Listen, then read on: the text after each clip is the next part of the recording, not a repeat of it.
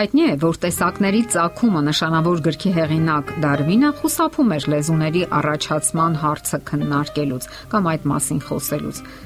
1866 թվականին, երբ լույս է տեսնում այդ գիրքը, Փարիզի լեզվաբանական ընկերությունը արգելում է լեզուների առաջացման վերաբերյալ բանավեճերը։ Փարիզյան լեզվաբանները անկասկած գիտակցում էին, որ համոզիչ ապացույցներով չամրապնդված ենթադրությունները միայն հող են ստեղծում անլուծելի վեճերի ու տարաձայնությունների համար, որոնցից նրանք հասկանալի պատճառներով ձգտում էին խուսափել։ Լեզուների ցակման հիմնախնդրի հանդեպ հետաքրքրությունը դեռ երկար ժամանակ մնում էր լռության մեջ եւ չէր խրախուսվում։ Եվ միայն 1965 թվականին Ֆրանսիայում վերածնվեցին ուսումնասիրությունները լեզվի էվոլյուցիայի վերաբերյալ։ Լեզուների առաջացման տարբեր տեսությունների կողմնակիցները չեն կարողանում գալ ընդհանուր համաձայնության այն բանի շուրջ, թե երբ են մարդիկ սկսել շփվել բարերի օգնությամբ։ Իսկ քանի որ անհնար է վերականգնել որևէ նախալեզու, որը որպես թե առաջացել է էվոլյուցիոն ճանապարհով, ապա մնում է բավարարվել գուշակություններով այն մասին, թե ինչպես է առաջացել լեզուն։ Էվոլյուցիոնիստները լռում են։ Նրանք ոչ մի կերպ չեն կարողանում բացատրել լեզուների անսովոր բազմազանությունը եւ բարդությունը բոլորը համաձայն են այն բանում, որ լեզուն գլխավոր նշանն է այն բանի, որը տարբերում է մարդկանց մնացած բոլոր կենսաբանական տեսակներից։ Բոլորը համաձայն են այն բանում, որ լեզուն գլխավոր նշանն է, որը տարբերում է մարդկանց մնացած բոլոր կենսաբանական տեսակներից։ Մեր երեխաները տիրապետում են բանավոր խոսքի հմտություններին մոտավորապես 4 տարեկան հասակում։ Իսկ երբ 4 տարեկան հասակում երեխան չի կարողանում խոսել, դա համարվում է բնածին կամ ձերկբերովի ախտաբանական երևույթ։ Ընդ որում խոսքի ապարքևը հատուկ է բոլոր մարդկանց։ Երկրի վրա բնակվող ոչ մի կենթանական տեսակ չունի այդ ապարքևը։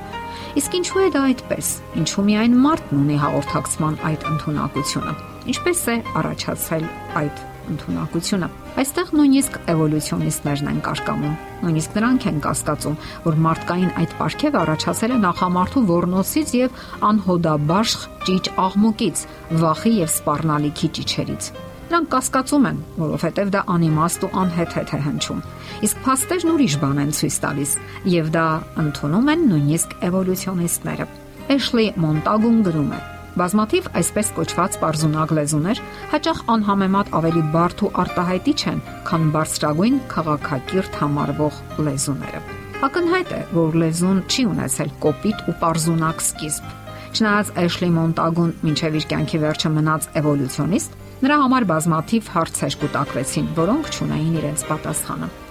Մոտավորապես 3 տարեկան հասակում երեխան կարողանում է խոսել 1 կամ մի քանի լեզուներով։ Որոշները այն կարծիքին են, որ դա ամենադժվար մտավոր վարժությունն է, որին մարդն ընդհանրապես կանչված է։ Նշանավոր բառագետ Լյուդվիգ Քյոլերը գրել է. Մարդկային խոսքը գաղտնիք է, դա Աստծո պարգևն է, հրաշք։ Լեզուների առաջացման բազմաթիվ տեսություններ են առաջ քաշվել, սակայն դրանցից միայն մեկն է, որ մինչև օրս պահպանում է իր դիրքերը։ Եվ դա չնայած այն բանին, որ նրա հակառակորդները մինչև օրս զբաղված են հակափաստարկների որոնումներով Դա լեզուների աստվածային արարման տեսությունն է։ Այդ տեսությունը հավաստում է, որ ամենազոր եւ ամենագո Աստված ստեղծել է լեզուները եւ այն տվել է մարդկանց։ Իսկ ահա էվոլյուցիոն տեսության առաջարկած մյուս տեսակետները բախվում են անհաղթահարելի արգելքների։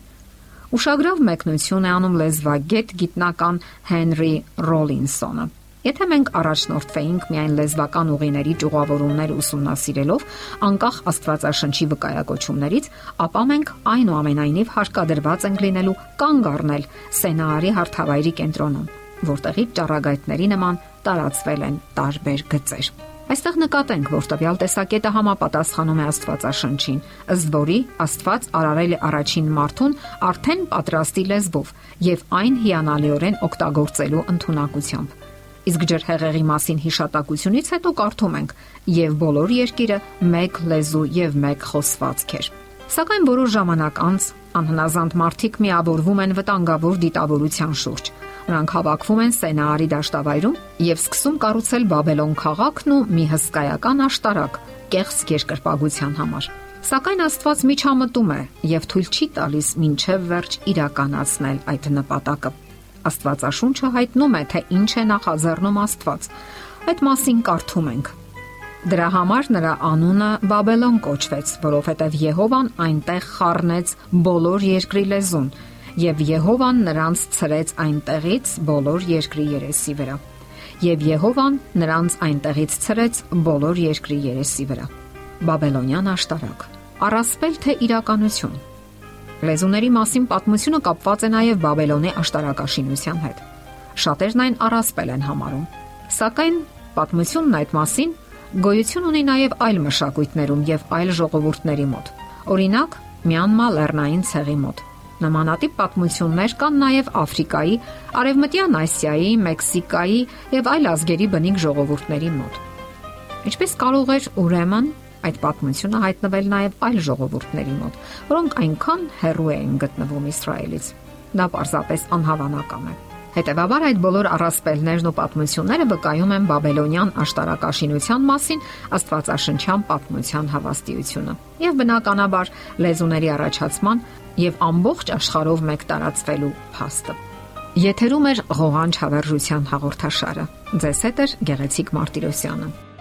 Հարցերի եւ առաջարկությունների դեպքում զանգահարեք 041 08 20 93 հեռախոսահամարով։ Հետևեք մեզ hopmedia.am հասցեով։